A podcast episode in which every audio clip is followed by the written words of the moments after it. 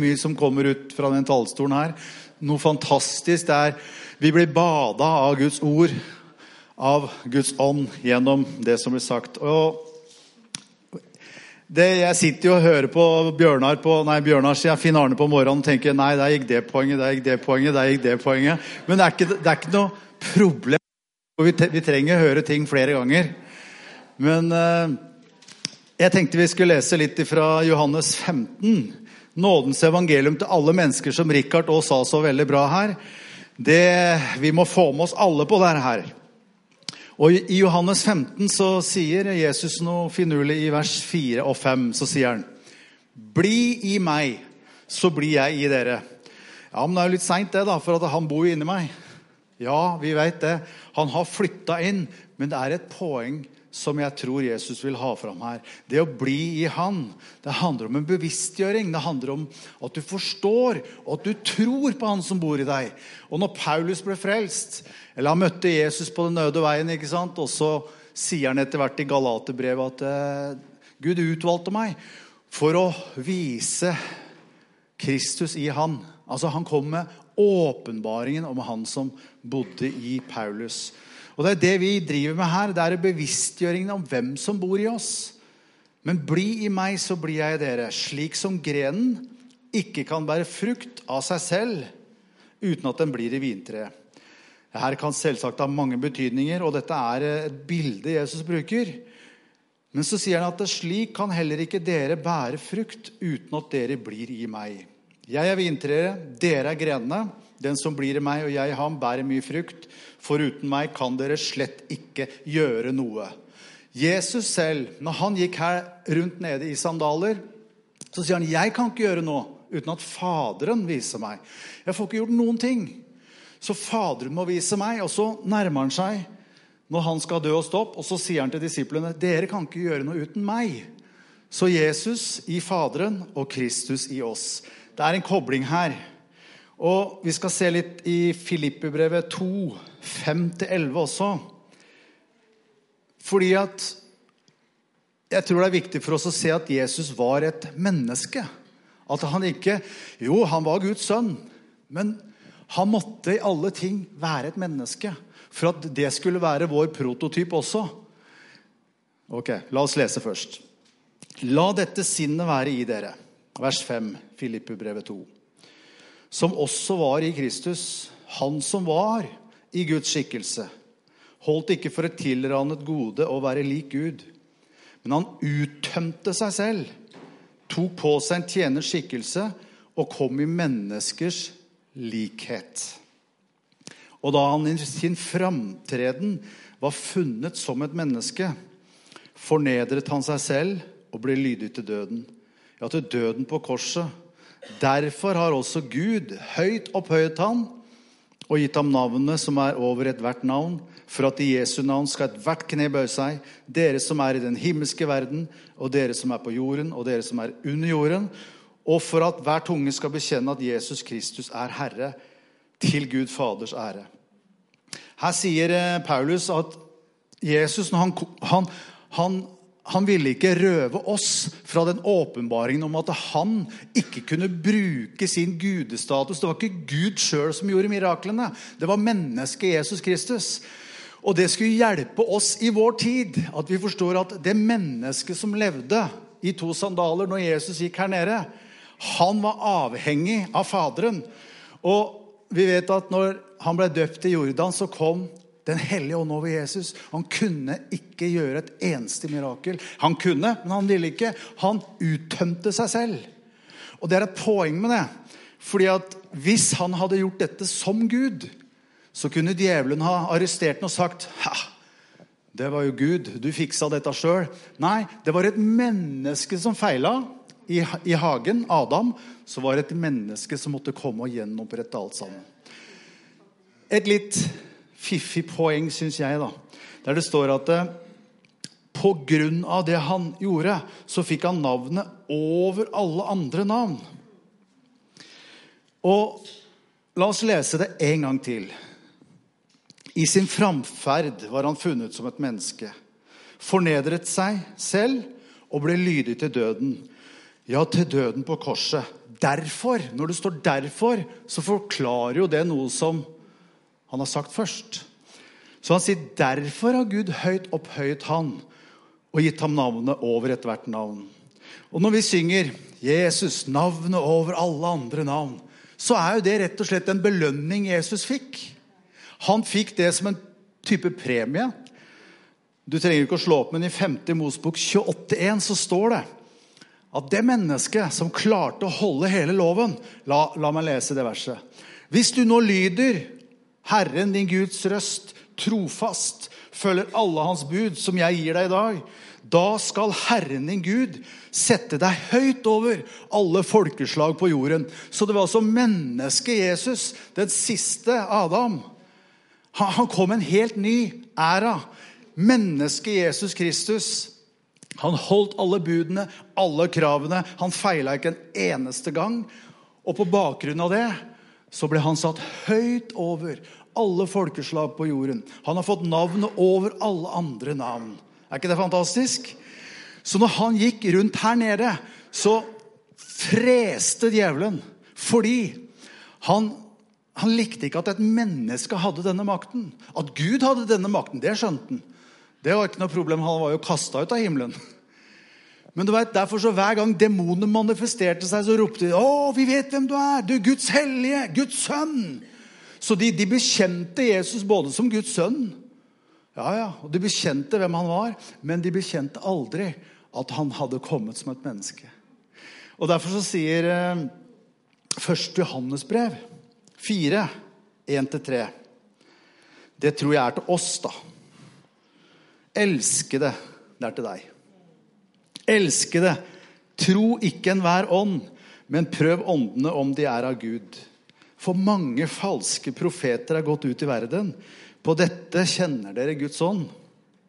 Hver ånd som bekjenner at Jesus Kristus er kommet i kjøtt og blod, er av Gud. Og hver ånd som ikke bekjenner at Jesus Kristus er kommet i kjøtt og blod, er ikke av Gud. Og dette antikristens ånd, som dere har hørt skal komme, og som allerede er nå. Vi fleipa litt med dette i går, og vi skulle pelle ut fire av dere som vi tror kanskje Nei, slapp av, slapp av. Men du veit at antikristens ånd, det er faktisk noe vi alle kan Jeg sier ikke alle, men at det er noe som djevelen ønsker ikke. Og at du skal vite hvem du er. Han ville ikke at vi skulle vite hvem Jesus var. Han, han ville at vi skulle prøve å si at ja, men det var Gud det, som gjorde miraklet. Det var Gud det. var, ja, Jesus gikk på vannet. Ja, men det var Jesus, det. Og så distanserer vi oss fra Jesus. Det er noe av poenget, tror jeg, da. At vi ikke skal gjøre. Og da har jeg alltid lagt til at eh, ja, men Peter gikk også på vannet. Jeg har aldri gått på vannet, men eh, det gjorde Peter. Og han var ingen som trodde var Gud, i hvert fall. Johannes 14, 8-10 så står det Philip sier til ham 'Herre, vis oss din far, og det er nok for oss.' Jesus sier til ham, 'Så lenge har jeg vært hos dere, og likevel kjenner du meg ikke, Philip.' 'Den som har sett meg, har sett min far.' Så hvordan kan du si 'vis oss din far'? Tror du ikke at jeg er i min far, og min far i meg? De ordene som jeg taler til dere, taler jeg ikke av meg selv, men min far som blir i meg, han gjør gjerningene. Og som vi hørte så fantastisk i går av Finn Arne, at Jesus han, han organiserte ting og tang, men så fikk en andre til å være med. Så sånn er det jo i dag også. Det er jo Jesus som gjør gjerningene. Men hvis ikke du stiller deg fram, hvis ikke du vil være med på det, så skjer ingenting, da. For han kommer ikke ned her i to sandaler igjen og gjør gjerningene uten oss. Sånn er det bare. Så det er et samarbeid. Jeg tar også med Johannes 5,19. Sannelig, sannelig, sier jeg dere. Sønnen kan ikke gjøre noe av seg selv, men bare det han ser Faderen gjøre. For det han gjør, gjør Sønnen likedan. Jesus kunne sikkert ha gjort noe, men han poengterer og sier at 'jeg vil ikke gjøre noe' uten at det ikke er en identifikasjon her med at det er Faderen i meg som gjør disse tingene. Eh, og jeg har lekt litt med tanken. Jeg er en sånn som liker å tenke litt. Jesus, jeg, jeg tenkte litt på hva han holdt på med i ørkenen i disse 40 dagene. Og jeg tror faktisk at i samfunnet med Faderen i ørkenen, da, når han eh, fasta der, ikke sant Og etter hvert, etter de 40 dagene, så står det at djevelen kom og frista Jesus. Men for å kunne bli frista, eller for å kunne bli prøvd, så må du først ha sett noe. Jeg tror du først må ha en åpenbaring før du blir testa litt på det. da. Og jeg har kost meg litt med det bl.a. at når Jesus går inn i synagogen i Lukas 4, 18 Han kom til han om natten. Finn Arne synger om det. vet du. Og du vet, når Jesus gikk inn der og proklamerte hvem han var Han lokka boken, og alle stirra på den. ikke sant? Og Han fortsatte å trykke på. Så tror jeg han så det på forhånd. Det var noe av det første Jesus gjorde. Han gikk inn i synagogen, åpna boka og leste fra, i, i Lukas jeg leste fra profeten Jesaja. Og så klikka det for jødene. Du skjønner hva jeg klikka? Altså, de, de, de freste, og de, det står at de dreiv den ut og var vei, på vei til å dytte den ut forbi et stup. Det stup jeg tror han så det i ørkenen på forhånd. Så i fellesskap med Gud så kan Gud vise deg hvordan du skal komme deg ut av vriene situasjoner. Men her tror jeg at Jesus så at her kommer englene og passer på meg. For det står at uh, idet de skulle dytte den ut forbi pynten, står det, så snudde han seg, og så gikk han rett igjennom dem. For englene de, de skjerma han, de beskytta han, de, de, på en måte skjulte han. Og det tror jeg han så i ørkenen på forhånd. da. For hvorfor ellers skulle da djevelen sier at ja, de sto for et stup, og så sier djevelen 'hopp ut her nå'. For det står jo skrevet at eh, Guds engler skal bevare deg på alle dine veier osv. Så sånn. Men hvordan kunne det være en fristelse for Jesus? Tenk deg for en pangstart på tjenesten. da. Her driver du med å dytte han ut forbi pynten og, og, skal til å bli knust der nede. Men så kommer englene og fakkeren og tar imot den. Men det var ikke sånn han skulle starte. Det var ikke liksom brask og bram på den måten. Og sånn kan vi fortsette. Jeg tror vinunderet tror jeg også han så på forhånd. Jeg har ofte lurt på hvorfor Det ser nesten ut som han krangler litt med Maria. vet du. Har du tenkt på det når du leser den storyen? Kvinne, hva har du med mitt å gjøre? ja, for, for, det var tomt for vin. ikke sant? Også Maria. Jesus, hva, fiks dette problemet nå. Men det står at det var jo første mirakelet hans. Hvordan kunne Maria ha så utrolig tro på Jesus? Har du tenkt på det? Jeg tror Jesus hadde sladra. For det var jo mora hans. Maria var jo mora. altså, Du sier jo ting til mora di. Mora di, vet du. Du stoler på hun. Jeg er sikker på at når han kom ut av ørkenen, så drev hun og sa Nei, altså, opplevde jeg det, vet du. Vi skal i bryllup snart, vet du. Og da, jeg, jeg, kjenner det litt på meg. altså, at eh, jeg tror det kommer til å gå tom for vin. Og da har Herren vist meg åssen vi skal fikse dette. Og Maria sa yeah! og så skjer det. Og så driver Maria liksom med mester, mester. De har gått tom for vin. Kvinne, hva har det med mitt å gjøre? Min time er ennå ikke kommet. Det, det blir så åndeliggjort, da. Hvis jeg skulle sagt det på min måte, så hadde hvis mutter'n kommet og stressa meg på dette og sagt 'Mamma, slapp av litt, da'. Jeg er ikke helt klar ennå. Gi, gi, meg noen minutter, da. Så når han på en måte tilsynelatende avviste Maria, da, så sier Maria likevel alt det han gjør, bare, bare gjør det. Alt det Jesus sier, gjør det. Så hun hadde fortsatt tro på han. Og så fikk vi miraklet. Jeg tror også han så brødunderet. Når han metta 5000 Foruten kvinner og børn. Nå skal vi ta med de, ja. I den nye bibelen så har hun i hvert fall begynt å skrive søsken, ikke bare brødrene. Dere er med, dere òg, skjønner du. ikke det herlig? Halleluja. Skillelinjene er jo nede. Nei, så Jeg tror han så brødundre også. Og når han da ser at eh, her er det, folk er sultne. og Han ser på forhånd hva han skal gjøre, for han kunne ikke gjøre noe annet enn det Faderen viste ham. Så kommer djevelen og frister han. For du må huske på at etter de 40 dagene så står det 'til sist ble han sulten'. Jeg har prøvd å faste noen dager. Det eneste jeg tenkte på, var mat. Og da, da skjønner du det er Det var min iver etter å ville faste. Men noen ganger så begynner jeg Kona går på jobb, jeg våkner tidlig og så begynner jeg å studere et eller annet. Og plutselig så kommer hun hjem sånn i 5-60, og så blir jeg så kjempesulten. Og så har jeg egentlig ikke spist da fra sju om morgenen, og ikke natta før. eller Jeg fasta først hele natta, jeg glemte frokosten og gikk rett på oppgaven. Så ofte så tror jeg at når vi gjør det vi skal gjøre så Vi faster uten at vi er klar over det. Vi glemmer å spise noen ganger. Har du merka det?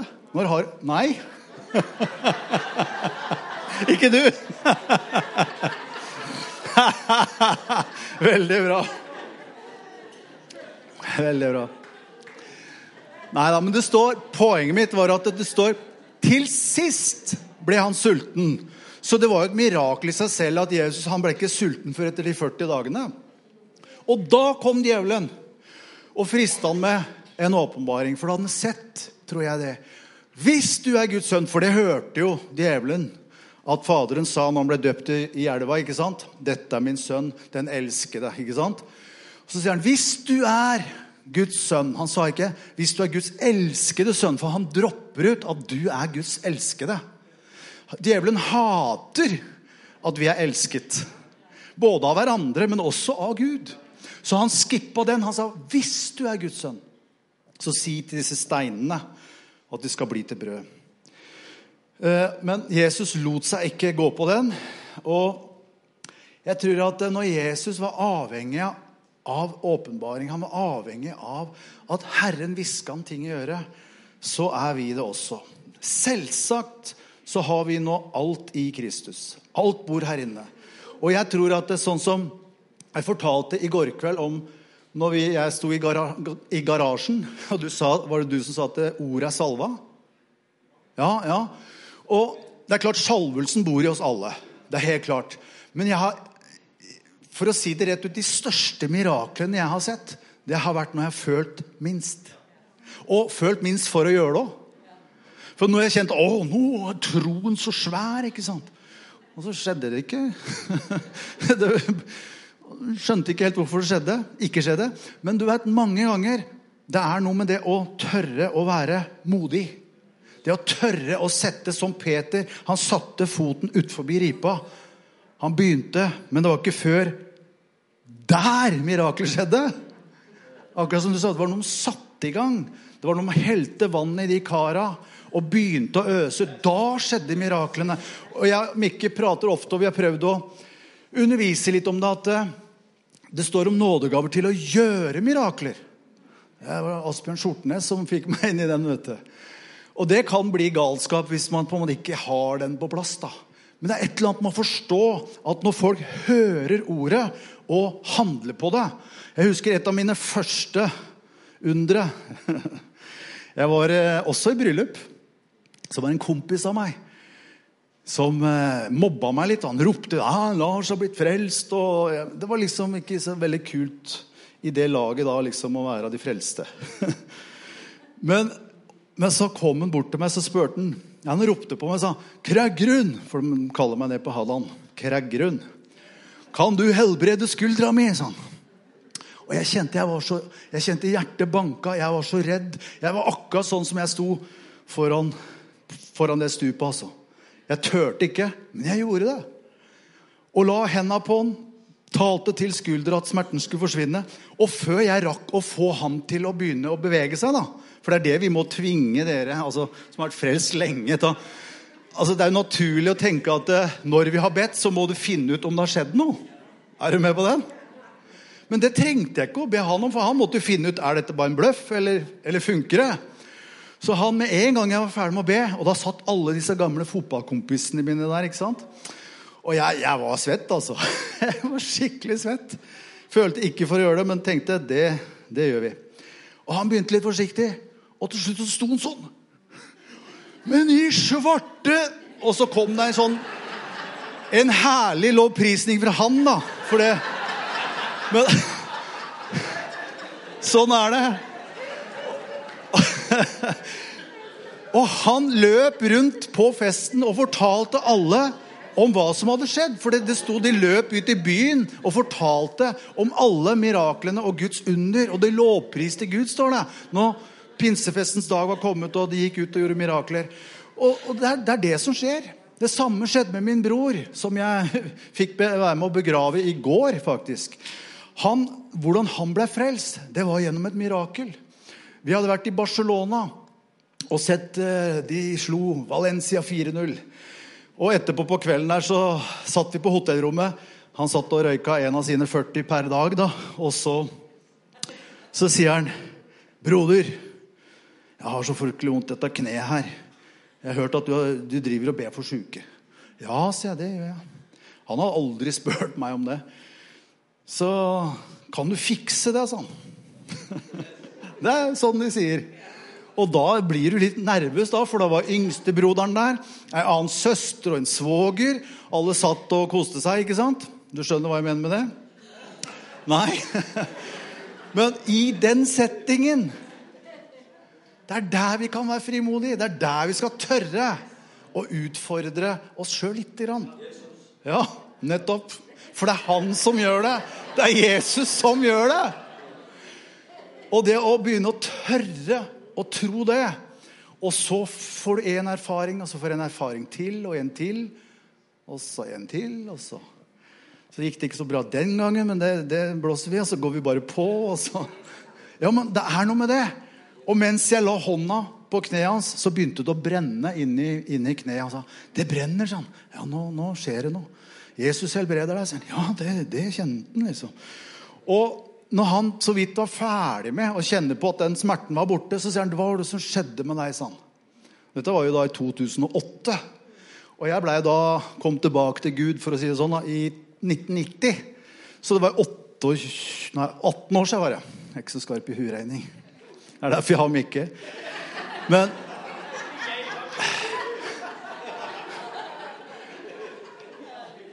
Men Tenk å få høre det av din egen bror. Jeg hadde prøvd å vitne for han i alle disse åra. Men det ble mye Pesus Pustus på 90-tallet. Jeg skal ærlig innrømme det. altså. Det var mest Pesus Pustus. Ikke så mye Jesus Kristus. For det var meg i sentrum. Hva jeg kunne få til. Ikke sant? Og jeg dreiv meg sjøl ut, og jeg dreiv andre ut. Jeg blei en sånn pain in the ass for veldig mange. vet du. Dro det med meg overalt. Evangelistblod kokte litt mye, og så blei det vanskelig for enkelte. Introverte sjeler.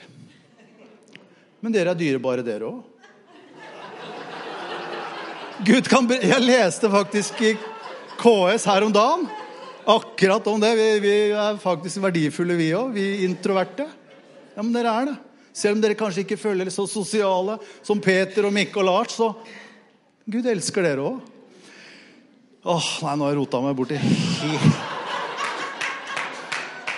hvor var jeg?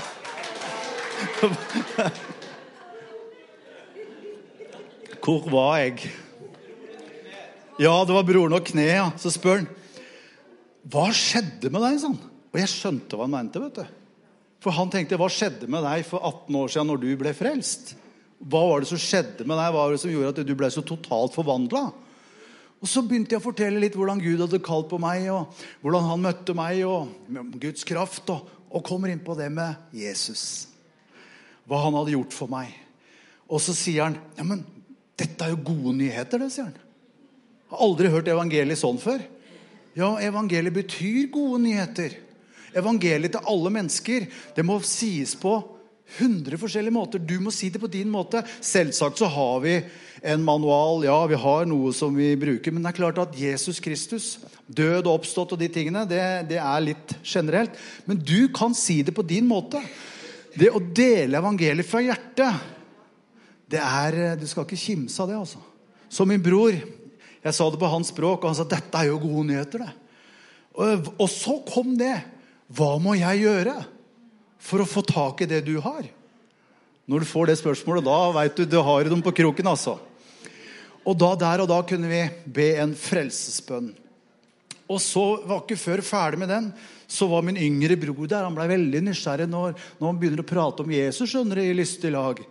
Så akkurat som noen ganger så blir det helt stille rundt deg. Har du merka det? Har du merka det? Ja. Og da skal du bare fortsatt være frimodig. Men da kjenner du blir litt sånn småredd. All eyes on me. Og så plutselig så spør min yngste bror er det dere holder på med. Nei, han har akkurat bedt med en Arne til frelse. Ja. ja, men det vil jeg jo, sa han. Og han er to år yngre enn meg. Men da året før hadde vi, fått, hadde vi vært på et telttur, og jeg kom inn på det her med at uh, Gud har tilgitt hele verden. og Det gjelder deg, vet du. Gud har tilgitt deg, broder, sa jeg. Er det sant, sa han? Må jeg ikke gjøre noe? Han har tilgitt deg. Den måtte jo inn først. Og litt langt utpå natta der, for jeg våkner jo på kvelden. Og det gjorde han òg. Og alle hadde lagt seg i telta sine. Tre på natta satt vi rundt bålet. Og han reiste seg opp og ropte 'Jeg er tilgitt! Jeg er tilgitt!' Tre ganger. Så skjedde det ikke noe særlig mer eh, på den turen. Men året etter, når jeg ber frelsesbønn med min eldste bror, så kommer min yngste bror og sier 'Det vil jeg òg'. Du vet, Evangeliet til alle mennesker det er ikke en oppskrift. Selvsagt så må vi forstå evangeliet da, og tro evangeliet. Men det å skjønne at Jesus bor inni deg, enten du føler det eller ei Kristus i oss, det er håpet om herligheten. Jeg tenkte på, Du tok noen poeng på morgenen her. Vi har ikke snakka sammen om det. det er sikkert mange som tenkte det. Men jeg har jo preka litt om, om Guds førstefødte. Og eh, Jesus, en, Guds enbårne sønn, han er ikke det lenger. Han var det. For nå er det faktisk mange sønner. Han er den førstefødte blant mange brødre. Og i det nye står det mange søsken, så det gjelder dere damene òg. Halleluja. Så han er den førstefødte blant mange søsken. Han var Guds enbårne sønn. Men nå er det mange sønner. Det er ikke bare én. Du er Guds sønn. Du er Guds datter. Og jeg koste meg litt med Jeg ser litt som når Jesus eh, innstifter nattverden så sier Jesus, eh, etter at han hadde gjort det, så sier han i Johannes 15, 15, Jeg kaller dere ikke lenger tjenere, for en tjener vet ikke hva hans herre gjør. Dere har jeg kalt venner, for alt det jeg har hørt av min far, har jeg gjort kjent for dere. Så Jesus kalte dem ikke lenger tjenere etter at nattverden var innstifta. Da kalte han dem for venner. Og til og med så ser vi at Jesus kaller Judas for venn. Når han kommer i Og det er Matteus som skriver det. fordi at jeg tror liksom det, det handler litt om pakten her. Her har Jesus innstifta en ny og bedre pakt. ikke sant? Der hvor det ikke hviler på gjerninger. Ikke på hva du kan få til av gode ting eller dårlige ting. Altså Dine feiltrinn kan ikke drive deg ut av hans hånd, heller ikke dine beste meritter. Ta Judas, da. Han spiste også nattverdsmåltidet. Så kommer Judas, kysser Jesus og viser soldatene hvem det er. Og da sier Jesus disse ordene i Matteus 26, 50. Men Jesus sa til ham, 'Venn, hvorfor er du kommet hit?' Så kom de fram, grep Jesus og tok han til fange. Og Jeg, jeg syns det var litt sterkt at eh, Jesus visste jo at han var en sviker. Men han kalte en venn. Og han kalte ikke hvem som helst venner. Jeg reise litt i forskjellige sånne blant muslimer og, altså Det å kalle noen venn i, i, dag i Norge Alt har gått inflasjon i ord hos oss. ikke sant? 'Hallo, kompis.' Er ikke kompis, du, vet du. Egentlig. Nei, men vi... Så i, i, visse kulturer så kaller du ikke en person venn hvis det ikke har med en connection å gjøre. Og her tror jeg det gjaldt den nye pakten som var innstifta. Han kalte den venn på tross av det kjempesviket som Judas kom med. Men ingen kan si at Judas ikke angra. Han angra så han gråt og ville ha, gi tilbake pengene til disse her gutta. Men han klarte ikke å ta imot den nye pakten. Han klarte ikke å ta imot fordi han var så full av skam og skyld fordømmelse. Så han klarte rett og slett ikke å venne seg til Jesus igjen. Peter fornekter og banner på at han ikke kjenner Jesus. Men heldigvis så vendte eh, Peter seg til Jesus. De to røverne på korset kjenner dere også. Eh, så tenkte jeg at eh, i noen av evangeliene så står det at begge spotta. Jeg husker jeg ikke, jeg tok, hadde, har ikke tid til å slå det opp. kanskje noen vet det. Men i no, noen av evangeliene i hvert fall et av de, står det at begge hånda og spotta Jesus. Mens i den andre så står det at den ene av de vendte seg til Jesus. Så det er, det er tydelig at det skjedde noe med den ene. I starten så var begge imot. Men så skjedde det nok noe med han ene. Og så vender han seg til Jesus. Det handler egentlig bare så enkelt. Når du tenker på dine venner, du tenker på slekta di, som jeg syns kanskje kan være det vanskeligste faktisk å vitne for, å ha en normal relasjon til, så skal du vite at det, det, er ikke så mye som skal til. Hvis du ser på den røveren han, Det han gjorde, var å venne seg til Jesus med en, med en enkel bønn. Og det er den dårligste frelsesbønna jeg har funnet i Bibelen. Jesus, husk på meg når du kommer i ditt rike. Husk på meg. Det var liksom Jesus, jeg bekjenner at du døde, at du sto opp igjen. Og tilgi meg mine synder og rens meg. Og, jo, og alle disse bønnene er fine, er ikke det jeg sier. Men det var en enkel bønn, altså. Tenk deg de der menneskene som venner seg til Jesus. For det er Jesus som er veien. Det er Jesus som er veien tilbake. Jeg fryda meg over hørte en eh, predikant som delte om det med vise menn fra Østerland. Og Det står 'vise menn fra Østerland', og vi har jo skuespill rundt juletider ikke sant, om det. Og vi syns det er noen flotte greier. Mens de samme folka tenker liksom Vi prater om New Agere. Ja, det er noen fæle folk. Det er noen fæle folk. Men du vet, ikke én av dere er langt unna. Altså, det er, Jesus er nærmere enn det vi forstår. Men de vise menn, det var stjernetydere, det var New Agere. Og de kom til Jerusalem, og, men de måtte innom Skriftene.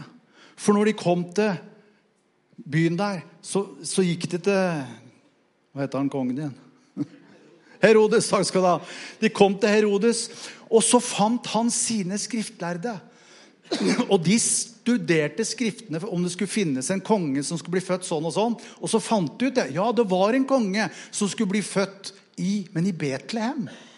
Så altså, disse New Agerne de måtte via en ugudelig konge og via noen skrifter for å finne Jesus. Kornelius, akkurat det samme. Han var en gudfryktig mann, står det. Så ikke at han var frelst. Han ga gaver, almisser osv. Så sånn. Men han var jo en, han var en fiendtlig hærfører.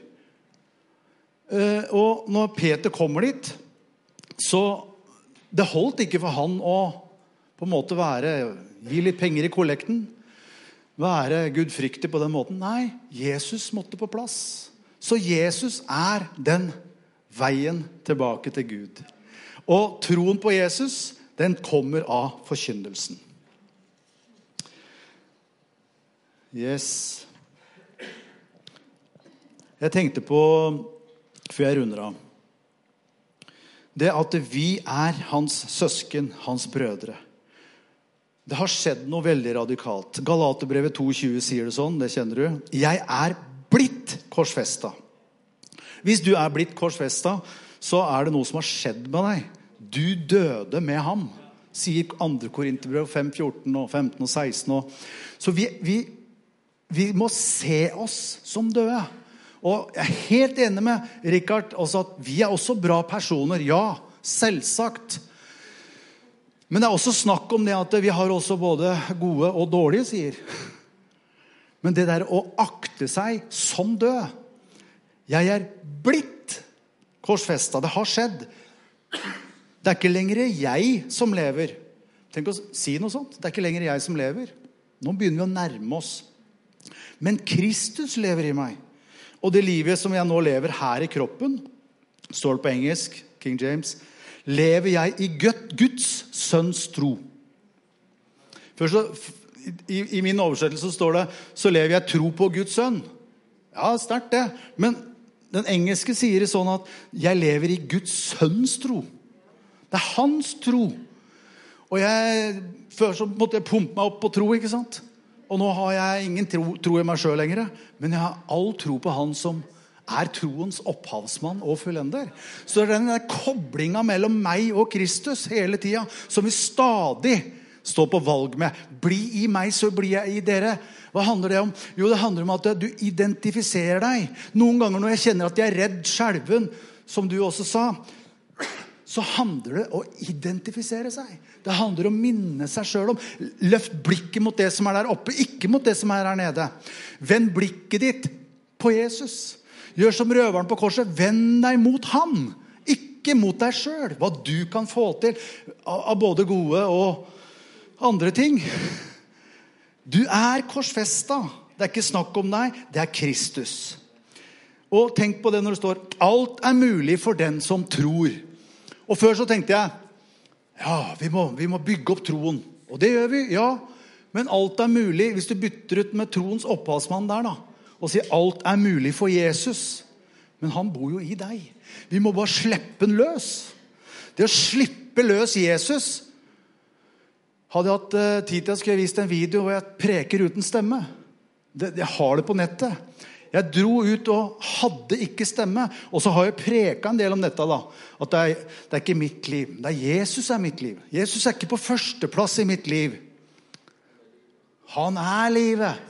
Jesus er selve livet. Så uansett hvor jeg befinner meg, uansett i hva slags miljø, så er Kristus der. Og da kjenner man plutselig hvor grensene kan gå. En, ikke sant? For kjærligheten har sine grenser. Og den er forskjellig fra land til land. Den. Ikke sant? Ikke pent å gå i, i shorts i India. Jeg kunne ikke stått og preka sånn i India. Det er bare guttunger som går i kortbukse der. Og det virka at, ja, men de, de, sier det, de gamle der. Ja, nå har du kortbukser og Finn Arne. Herlig. Men det, her det hadde ikke vært kjærlighet av meg å gjort det. Gått på prekestolen i, i, i, kortbukser i India. I hvert fall ikke de miljøene jeg har vanka der. Så det handler om at eh, Kristus i oss, han er ditt liv. Han er på første, andre, tredje, fjerde, femte, sjette, sjuende, åttende, niende og tiendeplass og så kan du fortsette nedover. Det betyr at han er med deg på ferie. Han er med deg på do. Det er jo godt, det, da. Han skal jo aldri forlate deg. Så tenker noen at nå trenger jeg en ferie.